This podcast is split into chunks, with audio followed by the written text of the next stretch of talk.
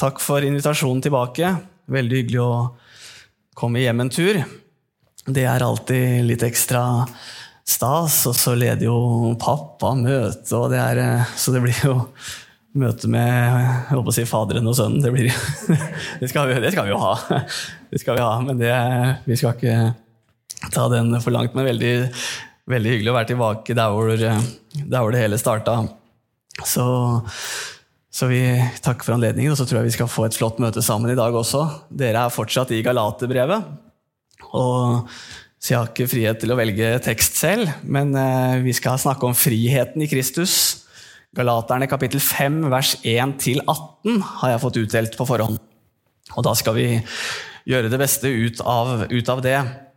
En tekst som det er veldig spennende å jobbe med, en tekst som det er veldig mye innhold i. Eh, og så får vi ta noe av det i dag. Vi skal legge møte i Herrens hender, og så skal vi se på disse versene sammen.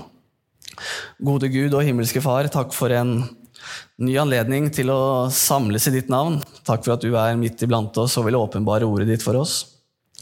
Takk for det budskapet som du har lagt på mitt hjerte for denne formiddagen. Må du gi meg nåde til å formidle det på en god og forståelig måte. Så ser du de som sitter i salen her i dag, La de sitte med et åpent hjerte og ta imot det du har for oss denne formiddagen. Må du lede møtet og gjøre med det som du ønsker. Amen. Galaterbrevet 5, det, der hopper vi jo egentlig rett inn i et resonnement som Paulus eh, har eh, i, et, i, en, eh, i, det han skriver. Kapitler og versinndelingen i Bibelen det kom jo senere enn da tekstene ble skrevet. ikke sant? Paulus satt ikke og skrev tall Eh, for annenhver setning som han skrev. Eh, kapitlene kom vel ut på, på 1200-tallet et sted, og så kom versene noen århundrer senere, hvis jeg husker riktig i farta. Så dette her er jo delt inn i ettertid. Og det er jeg veldig glad for, for det er mye lettere å finne fram. Og det er mye lettere å følge tekstene når vi snakker sammen. Eh, men det er jo ikke sånn at dette er delt inn da det ble skrevet. Så kapittel 5 i Galaterbrevet det er jo da inn i et, inn et resonnement som Paulus har. Og fordi det er det, så vil jeg tillate meg å ta med litt ifra vers 4 også, eller kapittel 4 også. Men vi skal starte med åpningsverset i kapittel 5. Og der står det 'Stå derfor fast i den frihet som Kristus har frigjort oss til', og la dere ikke nok en gang binde under trelldommens åk. Så dere skal altså stå derfor fast. Det er på grunn av noe at vi skal stå fast i den friheten til Kristus. Og hva er dette derfor? Altså, Hva er grunnen til at vi skal det? Det ser vi jo i det Paulus har skrevet tidligere i brevet. Og så skal vi ikke nok en gang bindes under trelldommens åk. og Det betyr jo at de dette brevet er skrevet til, har gjort det tidligere, så de skal ikke gjøre det nok en gang. Og Derfor så skal vi se på noe fra kapittel 4 først. Altså dette derfor det bygger jo opp under alt det Paulus har skrevet i Galaterbrevet fram til nå. Men jeg skal ta det siste avsnittet og det avsnittet det begynner jo i vers 21. Og Der trekker jo Paulus inn noe fra Det gamle testamentet for å underbygge denne friheten i Kristus. Hva er det som er nytt nå som Jesus har kommet på banen? For deg og meg i Norge i 2023 så sier mye av dette seg selv fordi at vi er vokst opp med den kristne troen og kan dette her. Men Paulus han skrev dette til menighetene i Galatia, hvor mange jøder hadde kommet til tro og kommet inn i menigheten og hadde med seg sin jødiske bagasje på vei inn dit. Og så har det kommet en del hedningekristne helt utenfra som ikke hadde denne bakgrunnen, og så skulle disse leve sammen i en menighet på denne tiden. Og Derfor ser Paulus at det er nødvendig. Og så snakker han jo primært til de som har denne jødiske bakgrunnen, slik jeg ser det. Så sier han i vers 21 i kapittel 4.: Si meg, dere som vil være under loven, hører dere ikke loven? For det står skrevet at Abraham hadde to sønner. Den ene var av slavekvinnen, og den andre var av den frie kvinnen. Og For dere som kjenner bibelhistorien, så går jo tankene tilbake til Abraham og Ismail og Isak og de han fikk barn med. ikke sant? Og det er jo selvfølgelig riktig, det er den historien det er snakk om. Så står det Men han som ble født av slavekvinnen, kom etter naturens lov, og han som var av den frie kvinnen, ble født av løftet.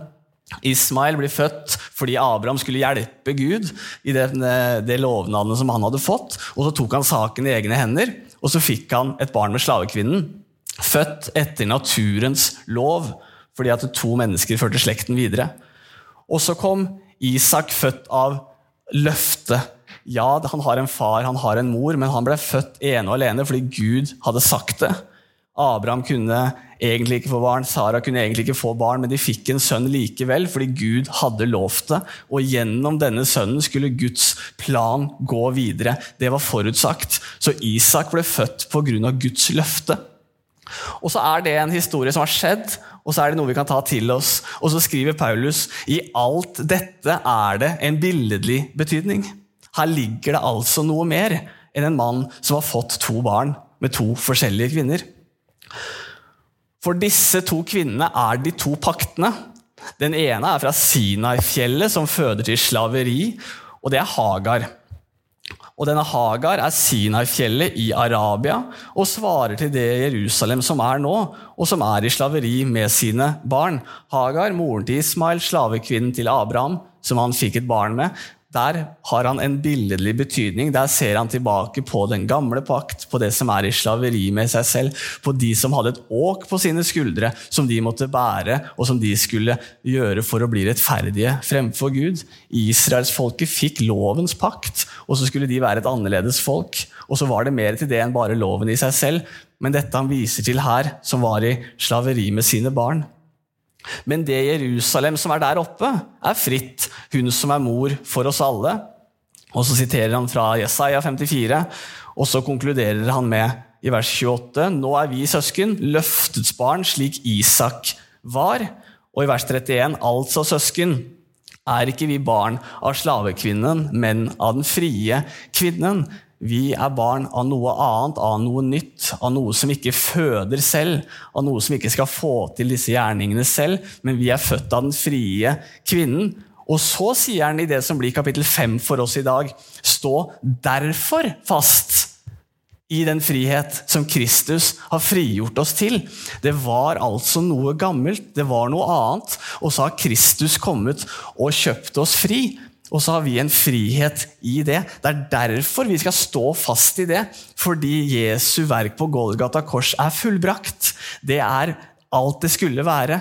Og Det er derfor vi leser videre hvis vi hadde bladd enda tilbake i Galaterbrevet, når Paulus skriver at Kristus har kjøpt oss fri fra lovens forbannelse da han ble en forbannelse for oss. Som det står skrevet, forbannet er hver den som henger på et tre, for at Abrahams velsignelse skulle komme til hedningefolkene, som det var gitt løfte om, og så skulle vi få ånden, osv. osv. Det har vært noe gammelt, og så har han fått oss ut av det og inn i noe annet. Og derfor skal dere stå fast i den friheten som Kristus har frigjort oss til, og ikke vende tilbake til trelldommens åk. Han sier dere har jo vært der, dere vet hva det innebærer, dere har opplevd det på kroppen deres. Ikke vend tilbake til det. Du og jeg har ikke opplevd det på kroppen på samme måte. Vi trekker nok inn noen ting som vi skal komme tilbake til. Men vi er altså frie fra noe, og derfor skal vi stå fast i den frihet som Kristus har frigjort oss til. Dette var jo tema i den tidlige kirken flere steder fordi, eh, av de grunnene jeg har nevnt nå, at man kommer fra en plass og skal inn i noe annet, og så kommer det hedninger utenfra som ikke vet verken det ene eller andre. Og Dette er jo et kjempetema i Apostlenes gjerninger kapittel 15, på det som vi kaller for Jerusalem-møtet eller apostelmøtet hvor dette ble tatt opp. Og I apostelgjerningen i kapittel 15, vers 1, så står det på den måten her Det var noen menn fra Judea som kom ned og lærte brødrene slik. Hvis dere ikke blir omskåret etter skikken fra Moses, kan dere ikke bli frelst. De kom altså og sa at denne frelsen, dette med Jesus, det er vel og bra. Det er en god start, og han trenger vi. Men dere må også være litt uh, redelige her. Dere må også gjøre sånn som vi har gjort i alle år. Dere må bli omskjært, og dere må følge Moses sin lov. Og så står det fra vers 2.: Paulus og Barnabas fikk derfor ikke lite strid og ordskifte med dem. Det var strid i den tidlige kirken også. De sa virkelig fra når det var behov for å si ifra. Og det gjorde Paulus og Barnabas. Da bestemte de at Paulus og Barnabas og noen andre av dem skulle dra opp til Jerusalem til apostlene og de eldste å legge dette stridsspørsmålet frem for dem. Det var rett og slett strid. Er det sånn at vi skal ta med oss noe av dette her inn i det som da eh, er det nye, ny pakt for menigheten? eller denne, Hvordan forholder vi oss til denne friheten i Kristus, som blir konklusjonen her etter hvert? Og så kan vi hoppe litt ned. I vers 5 så står det at det er nødvendig at de blir omskåret, og at de må holde Moseloven. De ga seg ikke på dette her. Og til slutt, i vers 6, så står det da Nå kom apostlene og de eldste sammen for å vurdere denne saken. Og etter at det hadde vært sterke meningsytringer, sto Peter fram og sa til dem Nå hadde de krangla en stund, og så kommer Peter, og så sier han Nå hører dere på meg. Hør her nå. Menn og brødre, dere vet at for mange dager siden gjorde Gud det valg blant oss at det var ved min munn hedningefolkene skulle høre evangeliets ord og komme til tro. Det ser vi i apostelgjerningen i kapittel 10 når Peter er på husmøte. Vi ser det i Galaterne 2,7 når Paulus og Peter får sin fordeling. Og så står det fra vers 8.: Og Gud som kjenner hjertet, ga dem vitnesbyrd ved å gi dem Den hellige ånd, slik som han gjorde med oss. Og så henviser Peter til pinsefestens dag, da ånden falt på menigheten. Det var jøder som var samla i Jerusalem, og så falt ånden på dem ved forkynnelsen av ordet. Og Så går vi videre ut i apostlenes gjerninger, og så skjer det samme med hedningefolkene når Peter er og forkynner for dem. og Så oppsummerer han dette for dem, og så minner han på hvordan det har vært. Vers 9. Han satte ikke noe skille mellom oss og dem, men renset også deres hjerter ved troen. Vers 10. Hvorfor setter dere da Gud på prøve ved å legge et åk på disiplenes nakke, et åk som verken våre fedre eller vi har vært i stand til å bære? Men vi tror at ved Herren Jesu Kristi nåde skal vi alle bli frelst på samme måte som de. De går igjennom den historien de har som folk fra gammeltestamentlig tid, og de kjenner det åket som fedrene ikke klarte å bære. De feila alle sammen. De klarte ikke å bli rettferdige i egen kraft. Og så klarte ikke disiplene det selv. De begynte som jøder, og så møtte de Jesus etter hvert i livet sitt. Og så sier han at det som fedrene våre ikke klarte, og det vet dere godt at vi ikke klarte. Og det som vi ikke har klart sjøl engang, det skal dere nå legge på de nye som kommer inn i menigheten. Hvorfor gjør dere det? Sier han i praksis. Dere vet jo at det ikke funker. Og så kunne vi sett ned på uh, mye her, men vi skal hoppe ned til vers 19 for å ikke ta med alt.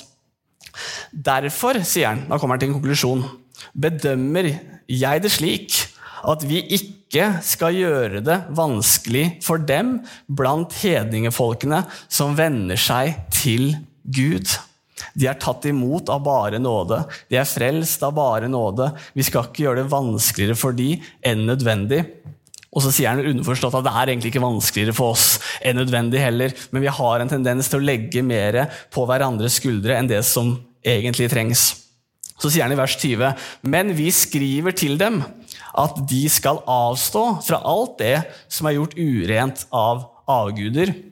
Den skal jeg komme litt tilbake til. Ikke fordi det nødvendigvis er så aktuelt i Norge i dag, men fordi jeg syns det er et godt eksempel uh, i praksis. Og fra hor.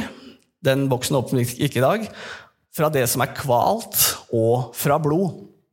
Skal holde dere unna blodet i dyrene. Vi kan spise kjøttet, vi skal holde oss unna fra blodet, fra å drikke blod. I gammel hedensk eh, avgudsdyrkelse i enkelte plasser så var det jo slik at man drakk blodet til dyrene fordi man tenkte at man fikk kraften til dyret osv. Men dette med blodet, som vi skal komme tilbake til i dag, det er veldig sentralt i kristen tro, i kristen teologi. Fordi at Bibelen lærer at livet ligger i blodet. Det er det som definerer liv i Bibelen. Derfor er ikke blomster og trær og planter i live i bibelsk setting, men dyr er det, og mennesker er det. Livet ligger i blodet. Det er sentralt. Og Det var ikke bare noe israelsfolket fikk gjennom sin lov, det er bekrefta der, men det går helt tilbake til Noah og den eh, pakten som Gud oppretta med Noah etter vannflommen. Hvis Bibelen er presis i sin beskrivelse av begynnelsen, så var mennesker og dyr vegetarianere i starten. Det er slik Bibelen beskriver det. Etter flommen i Noas dager så fikk vi kjøtt å spise, presiserer Gud.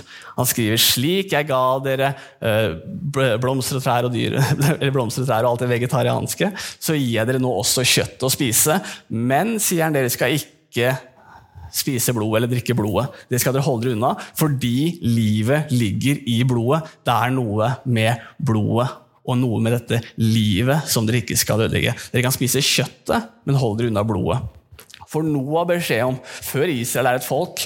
Og så blir dette bekrefta i den levittiske loven i 3. Mosebok kapittel 17. Vi får det igjen i 5. Mosebok. Hold dere unna blodet når dere ofrer dyr. Det skal dere helle ut, og så skal dere dekke det over med noe fra bakken. Og så kommer vi inn i den nye pakt. Derfor skal vi holde oss unna det, fordi der er det noen dype bibelske sannheter. Det er derfor vi som kristne sier at det er den nye pakt i Jesu blod. Det er ikke bare en fin setning som vi har kommet opp med, men det ligger noe teologisk i det. Hold dere unna blodet. Der skal dere ikke drikke det. Det er frelse i det. Der har Gud oppretta pakter. Vi ser det gjennom de gamle paktene, så er det alltid blodsutgytelse. Vi ser det i ofringer, så er det blodsutgytelse som skal dekke over synd. Og så kommer Jesus med den nye pakt i sitt blod. Det er derfor vi sier at Jesu blod renser ifra all synd. Fordi at det hører med til en paktsinngåelse. Det hører med til å dekke over synd. Men tilbake til det vi skriver om å avstå fra alt som har med avguder å gjøre. Vi skal se noe på det i, i første Korinterbrev, kapittel 8. Og Vi kan begynne fra vers 1. Første Korinterbrev det er jo i stor grad at Paulus han svarer på en god del spørsmål som menigheten i Korint har. Det er mer enn det også, eh, men han skriver eh, når det gjelder, og så kommer det tema, og så svarer han på det. Og så går det noen kapitler, og så står det 'når det gjelder', og så går det videre. Så han svarer på mye spørsmål som menigheten har hatt. Så det har vært brevutveksling mellom disse før første korinterbrev, som vi kaller det. da. Og i kapittel 8 så står det 'når det gjelder kjøtt som er ofret til avguder'. Og så går den videre på det temaet der. Og så står det fra vers 4 Når det er spørsmål om å spise kjøtt som er ofret til avguder, så vet vi altså at det ikke finnes noen avgud i verden, og at det ikke finnes en annen gud enn én. Så da er jo saken egentlig klar for Paulus sin del. I, eh, i Apostlenes gjerninger så skulle de ikke spise dette kjøttet. Så kommer vi her til å se et annet eksempel som jeg ikke tror er motstridende, men jeg tror det utfyller hverandre. Fordi dette her, det handler i bunn og grunn om nestekjærlighet til menneskene vi har rundt oss. Det handler om hvordan vi behandler hverandre, og ikke lage unødvendig støy. Og Det skal vi se her nå, hvis vi hopper til vers 8. Men mat forandrer ikke vår stilling for Gud, skriver han. For om vi spiser eller ikke spiser, er vi verken bedre eller verre. Men se til at denne friheten dere har, Friheten i Kristus. Her kommer friheten til menigheten inn. Den friheten som dere har, om du spiser det kjøttet eller ikke, om jeg gjør det annerledes, så er ikke jeg bedre og du verre, eller omvendt. Det har ikke noe å si framfor Gud. Men se til at denne friheten som dere har, ikke på noen måte blir en snublesten for dem som er svake. Det er et nøkkelord i det vi skal gjennom her i dag. Ikke vær en snublesten for de som er svake. For hvis noen ser at dere som har kunnskap, spiser i et avgudstempel, vil ikke da samvittigheten til en som er svak, bli så styrket at han spiser av avgudsofrene? Og skal din kunnskap føre til at den svake går fortapt, det mennesket som Kristus døde for? Men når dere på denne måten synder mot søsknene, og sårer deres svake samvittighet. Hør på det her. Vi tar det en gang til. Når dere på denne måten synder mot søsknene og sårer deres svake samvittighet, synder dere mot Kristus. Medmenneskelighet, på godt norsk. Hvis mat derfor fører min bror til fall, vil jeg aldri i evighet spise offerkjøtt, så jeg ikke fører min bror til fall. Der tror jeg nøkkelen ligger. Avgudsoffer og den type ting, og hvilket kjøtt vi spiser. Ikke så veldig mye å si for oss i Norge i dag, i stor grad. Men vi har andre ting som er tema i vår verden, men vi skal ikke føre hverandre til fall. Vi skal hjelpe hverandre på vei. God, gammeldags medmenneskelighet. Her hadde det mye å si For noen så hadde det ikke så mye å si. For Paulus så gikk det fint. Han visste den posisjonen han hadde i Kristus. Han visste hvilken frihet han hadde. Paulus sa at om jeg spiser eller ikke, så er jeg ikke verre eller bedre. For jeg har den posisjonen jeg har fremfor Gud. Jeg vet at Gud har gjort dette rent, at det går bra. Jeg kan spise det. Men, sier han, hvis det fører min bror til fall, så lar jeg det være. Det kommer an på hvem han hang med. Hvis jeg hadde reist hjem til mamma og pappa på middag etter møtet i dag, det rekker jeg dessverre ikke i dag. Men hvis jeg hadde gjort det, så hadde ikke det vært så nøye for oss hva slags kjøtt det var. Det er ikke et tema for oss. Men når de var sammen med jøder for eksempel, som kom fra den settingen de gjorde, så ville ikke Paulus være til anstøt for dem. Det var ikke direkte feil av han å gjøre det, men det var unødvendig. Det var ikke noe vits å gjøre et nummer ut av det når han kunne la være. Sånn har vi det i våre liv også. Når Paulus sier i 1. Korinterbrev kapittel 6 Jeg har lov til alt, sier han, men det er ikke alt som gagner. Jeg har lov til alt, men jeg vil ikke at noe skal få makt over meg. Det går på vårt eget liv å ha makt over deg. Jeg vil ikke at noe skal få makt over meg. Jeg vil ha kontroll på ting og tang sjøl. Så jeg har lov til alt, men det er ikke alt som gagner meg, og det er ikke alt som tjener til det gode. Kanskje vi da skal la være. Ikke fordi at den kristne religionen og kristne tro sier at det får du ikke lov til å gjøre. Nei, jeg har lov, og jeg klarer det, og for meg så er det helt fint. Men kanskje jeg har noen der som ikke klarer det, som ikke orker, og som kan falle pga. meg. Og så sier han at hvis dere synder mot søsknene på den måten der, så har dere gjort noe mot Kristus også. Vi skal tenke på hverandre, er det som Paulus tar tak i her, tror jeg. Jeg har ikke noe problem med hva folk gjør rundt et bord. Jeg har kristne som tar et glass vin til maten. Det er helt i orden. Den kristne friheten den har vi. Vi har noen som sier nei takk. Den kristne friheten har vi. Og i enkelte settinger jeg er, så har jo ikke det noe å si. For for meg så knekker ikke min tro eller noe sånt av det. Og den friheten, den har vi. Men det er utrolig unødvendig å gjøre det hvis man sitter med noen som har et problem med det, for å ta et banalt og aktuelt eksempel. Da går det an å la være. Ikke fordi det er direkte feil av meg å gjøre som jeg gjør, den friheten har jeg, men kanskje jeg har noen som ikke syns det er så veldig enkelt, og som er tjent med at jeg lar være. Medmenneskelighet. Vi har friheten i Kristus, men tenk på de rundt oss. Jeg har lov til alt, men det er ikke alt som gagner. Jeg har lov til alt, men jeg vil ikke at noe skal få makt over meg. Hvis mat derfor fører min bror til fall, så vil jeg aldri i evighet spise offerkjøtt. Ikke fordi at det gjorde noe med forholdet hans til Gud, men fordi han hadde noen rundt seg som trengte hjelp til slikt. Tilbake til kapittel 5, og vi har kommet til verset 2. Se, jeg, Paulus, sier dere at om dere blir omskåret, kan ikke Kristus være til noe gagn for dere. Å, hei sann!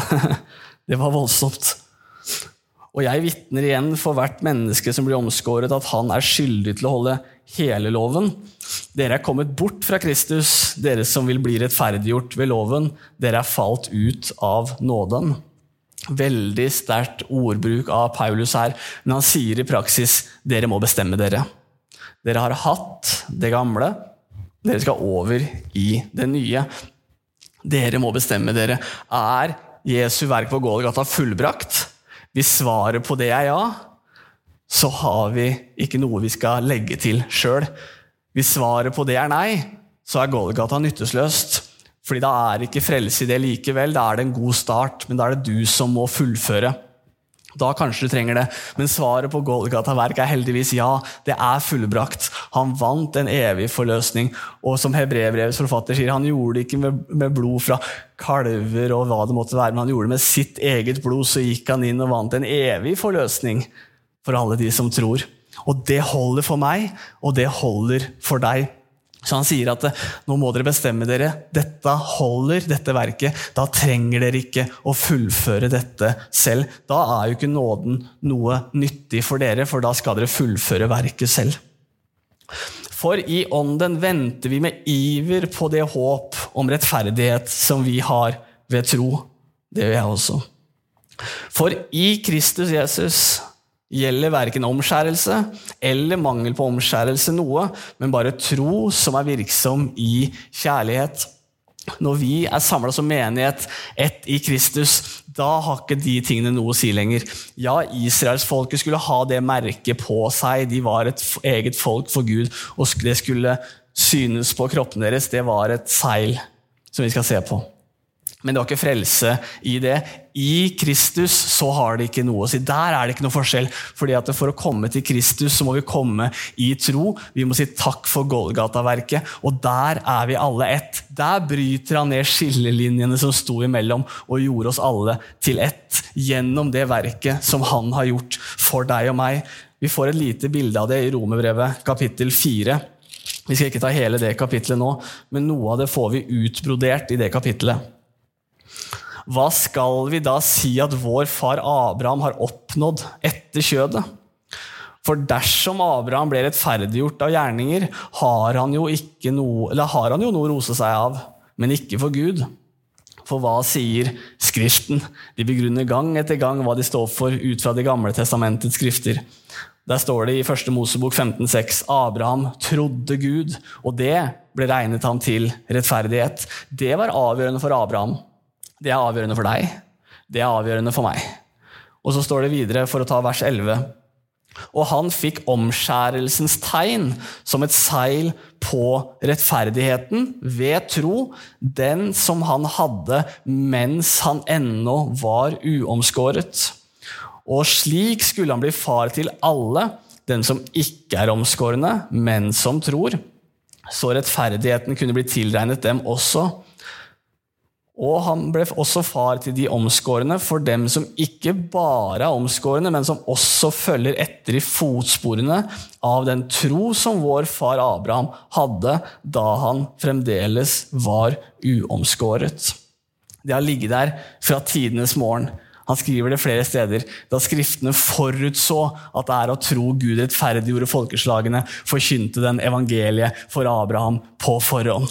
Det har ligget der hele veien. Og så ble han frelst ved tro. Og så ble de brukt til mer enn det her på denne jorda. Og så har Jesus kommet på banen som en biologisk etterkommer av denne Abraham. Og så har jeg kunnet ta imot av bare tro på samme måte som de gjorde. Og menneskene som tar imot Jesus, så lenge det heter i dag, som vi sier, vil være av tro, av bare nåde. Det har vært Guds plan hele veien. Og så har han vist oss det gjennom israelsfolket. Han har vist oss gjennom loven. Loven skulle føre oss til Kristus, leser vi andre plasser. Den skulle vise at dere trenger hjelp. Dette klarer dere ikke. Og så blir vi ført til Kristus og inn i den friheten som han har gjort klar for oss. Og så står det fra vers 7. Eh, dere begynte godt. Hvem hindret dere da fra å lyde sannheten? Overtalelsen til dette kommer ikke fra ham som kaller dere. En liten surdeig gjennomsyrer hele deigen. Dette tar han opp i 1. Korinterbrev kapittel 5 også. 1. Korinterbrev 5, 6. Det dere roser dere av, er slett ikke noe godt. Vet dere ikke at en liten surdeig syrer hele deigen?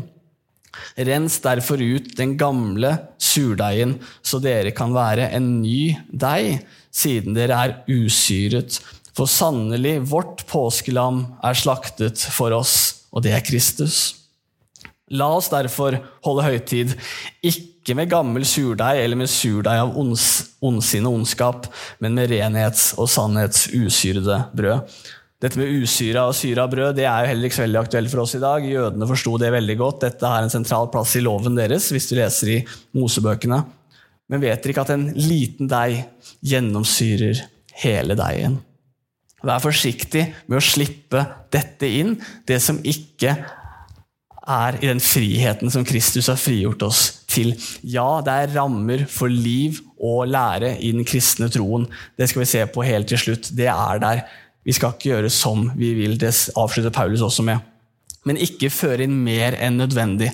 Og det er kanskje fort gjort hvordan vi vil ha det med kutyme, med hva det måtte være. Pass på ikke før inn mer enn det som er nødvendig. En liten surdeig gjennomsyrer hele deigen. Vi må ikke tillate å slippe sånt unødvendig inn. Vi hopper ned til vers 13. For dere søsken er blitt kalt til frihet. Det har vi blitt kalt til av Kristus. Vi er kalt til frihet, og det er jeg glad for. Bruk bare ikke friheten som en anledning for kjødet. Der kommer det siste vi skal prate om. Ikke bruk den kristne friheten du har, til en anledning for kjødet, men tjen hverandre med ved kjærligheten. Ja, du har frihet til å gjøre stort sett det du vil på de tinga vi har gått gjennom her nå, men ikke bruk det til en anledning for det syndige i oss. Ikke bruk det til å si at ja, men alt er greit, jeg kan gjøre sånn som jeg vil fordi jeg er frelst fordi jeg tror på Jesus. Så jeg kan gå ut og gjøre det og det og det, og det fordi jeg tror på Jesus. så det er i orden. Ikke bruk det til, en anledning for å gjøre sånne type ting. Det er ikke det han ønsker. Åh, det er mammaen sin. Har du sett for maken? Hjertelig. Åh. Åh, er det rart jeg har blitt som jeg har blitt? ikke bruk dette til en anledning for kjødet, men tjen hverandre med kjærligheten. Ja, jeg har frihet til å gjøre alt, men det er ikke alt som gagner. Jeg har lov til alt, men det er ikke alt som tjener til det gode. Og jeg skal ikke ut og bruke min syndige natur fra gammelt av som en anledning til å få utløp for den fordi jeg tror på Kristus. Da blir det feil vei på dette her. Og så sier han i vers 14.: For hele loven er oppfylt i ett ord, nemlig dette. Og det kjenner vi godt, og det kjenner ikke-kristne venner godt. Og det er ikke et sitat av Jesus, det er ikke et sitat av Paulus. Det er bekreftet av Jesus, det er bekreftet av apostlene, men det er fra den levittiske loven i 3. Mosebok, kapittel 19, hvor det står du skal elske de neste som deg selv. Visste at det er fra Det gamle testamentet? Bekrefta i det nye, men det er fra det gamle. Fascinerende hvordan Bibelen er satt sammen. Og Det er jo egentlig hele loven som Jesus også løfter fram. Du skal elske Herren din Gud av hele ditt hjerte, av hele din sjel og av all din forstand. Og så skal du elske de neste som deg selv. Og det er det det koker ned til. Og når du har det hjerteforholdet til Han som har frelst deg, da har du ikke lyst til å gå ut og bruke din kristne frihet som en anledning for kjødet. Da har du lyst til å ha et godt forhold til ham. Da har du lyst til å ha den friheten innenfor de rammene. Det gjelder her nede på jorda også, for å trekke det inn i vår hverdag. Jeg har frihet til veldig mye som jeg lar være. Jeg er 32-33 år. Sånn cirka. 32, er ikke det? 32, ja. 32 år. Jeg har penger på konto, jeg har en bil her ute. Jeg har frihet til å være i København i kveld. Ingenting som hindrer meg å være i København i kveld og ta en uke der og finne på noe moro. Den friheten har jeg. Det er ingenting som stopper meg. Jeg har transportmiddelet, jeg har bil, og jeg har penger, og jeg har det jeg trenger. Den friheten den ligger hos meg. Jeg kan være i København i kveld. Men jeg har en kone og en sønn i Moss som regner med at jeg kommer hjem etter møtet. Og det er en forpliktelse, og det er noe jeg har valgt, som gjør at jeg ikke gjør det første. Jeg har friheten til det, men det gagner ikke. Det blir veldig dårlig stemning. Det blir stress å komme hjem på torsdag. ikke sant? Så jeg lar være. Jeg drar heller hjem jeg har frihet, men det er ikke alt som gagner. Jeg har lyst til å ha et godt forhold til de. Da gjør vi heller det sammen en gang. For å ta et veldig banalt og enkelt eksempel. Våre jordiske relasjoner, de må vi pleie. Forholdet med Gud må du pleie, og da får man et godt forhold. Og da bruker vi ikke den friheten som en anledning for kjødet. Hvilken familie jeg er født inn i, at mine foreldre er de de er, det kan ikke jeg noe for. Det har ikke jeg hatt noe med. Men hva slags forhold jeg ønsker å ha til dem, det bestemmer jeg. Da må jeg legge ned en innsats. Da må jeg slå på tråden og spørre åssen det går. Da må vi komme hjem på middag en dag og prate litt sammen. Da må vi møtes til høytider når vi kan. For å ha det forholdet. Jeg trenger ikke å ha det, men jeg har lyst til å ha det. Det jeg har lyst til å ha med han som har frelst meg også. Det kan være sånn som du vil. At du er født inn i Guds familie, det er 100% Guds sitt verk. Du har sagt ja takk, men han har født deg inn i familien hans. Hva slags forhold du ønsker å ha til din himmelske far, da kreves det en liten innsats av deg også. Da må du ta frem Bibelen iblant. Da må du kanskje be en bønn iblant. Høre på litt kristen musikk. Dra på møter, være sammen med andre troende, hva det måtte være. Det krever litt av oss, det også. Og det er ikke fordi at vi må gjøre det for å bli frelst, og det skal ikke være et åk, men det skal være innenfor den friheten vi har, så ønsker vi å være sammen med Gud. Vi ønsker å tjene Han, vi ønsker å tjene menneskene rundt oss, som Gud også har skapt. Vi får et annet bilde på mennesker og på Gud når vi får det hjerteforholdet med Han. Og da kan Jesus si, 'Kom til meg, alle dere som strever, og som bærer tunge byrder, og så skal jeg gi dere hvile.' Det er den settingen det står i. Mennesker som bar tunge byrder. Det var slitsomt. Han skulle gi dem hvile. På hvilken måte da? Ved å ta det åket av. Og så sier han mitt åk, det er ganglig, det er lett å bære. Fordi at det er ikke noe du må, men det er noe du har lyst til. Som en følge av det forholdet du har til Gud. Vers 16. Men jeg sier, vandre i ånden. Skal vi gjøre det, alle sammen? Og dere skal slett ikke fullføre kjødets begjær. For kjøttet står ånden, står imot ånden, og ånden imot kjøttet. Disse to står imot hverandre for at dere ikke skal gjøre de ting dere vil. Paulus han skriver det flere steder. Andre brever så skriver han at 'jeg forstår det ikke', sier han. For det jeg vil gjøre, det gjør jeg ikke. Og det jeg ikke vil, det gjør jeg. I praksis det samme. Vi har noe fra det vi kaller gamle Adam, for kananspråket, som ønsker å gjøre det syndige, som ønsker å gjøre vondt, og som ikke kan ha med Gud å gjøre. Og så har vi et nytt liv som Gud har født på innsiden, som ønsker å tjene Han. Og så har vi kjødet og ånden som står imot hverandre. Hva er det du gir næring i ditt liv? Hva er det du pleier i ditt liv? Vi må pleie det åndelige, det nye livet skal få lov til å vokse. Og da kan vi si som sitatet sier, han skal vokse, og jeg skal avta. Da får vi et nært forhold med Gud. Da vokser vi i tro og kjennskap til Han. Da bruker vi den kristne friheten på en god måte. Da ønsker vi å være til behag for Han som har frelst oss. Da ønsker vi å være til behag for menneskene rundt oss, for at de også skal få lov til å møte Herren.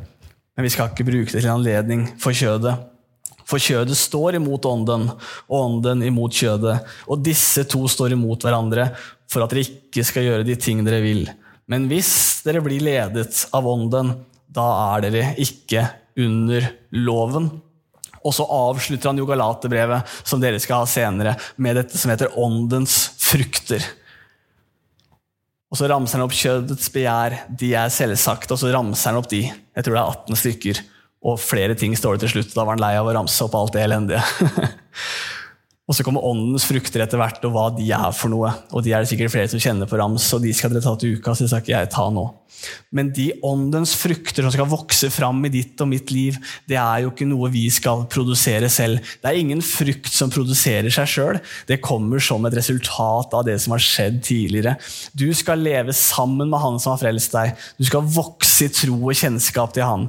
Du skal bruke din kristne frihet til å bli kjent med Han og elske menneskene rundt deg, som loven sier. Og så skal åndens frukter komme som et resultat av det. Det skal vokse frem i våre liv helt naturlig. Jeg skal ikke klemme fram det som står her av åndens frukter, av kjærlighet og glede og fred og tålmodighet. Det er åndens frukter som vokser frem i ditt liv fordi du lever sammen med Herren i det daglige, og så kommer fruktene av seg selv. Det tror jeg er viktig. Vi har friheten, dere. Han har frigjort oss. Vi er ikke lenger under det tunge åket. Hans åk er lett å bære for deg og meg. Men hvordan bruker du det? Det er opp til deg. Friheten er fra Gud. Hvordan du bruker det, det er opp til deg, og det kan ikke jeg bestemme. Men jeg håper at dette har vært med å gi en indikasjon på noe du har lyst til å følge videre. Skal vi si amen på det? Gode Gud og himmelske Far, takk for eh, ordet ditt. Takk for budskapet i Bibelen. Takk for eh, det du har lagt igjen til oss her på denne jorden. Takk for friheten som du har frigjort oss til. Takk for at du ikke har lagt et tungt åk på våre skuldre, men du har lagt et ganglig åk på våre skuldre som skal være lett å bære, Jesus. Takk for at du har frelst meg og alle andre som har tatt imot deg, Jesus. Hjelp oss å bruke den friheten du har satt oss til, til å være, til, ha et liv til ære for deg og tjene menneskene som er rundt oss. Takk for det budskapet som du har brakt til oss i Drammen i formiddag, Jesus. La dette være budskap som får leve i hjertene i dagene som ligger foran. Hjelp oss å grunne på ditt ord dag og natt, som salmisten sa.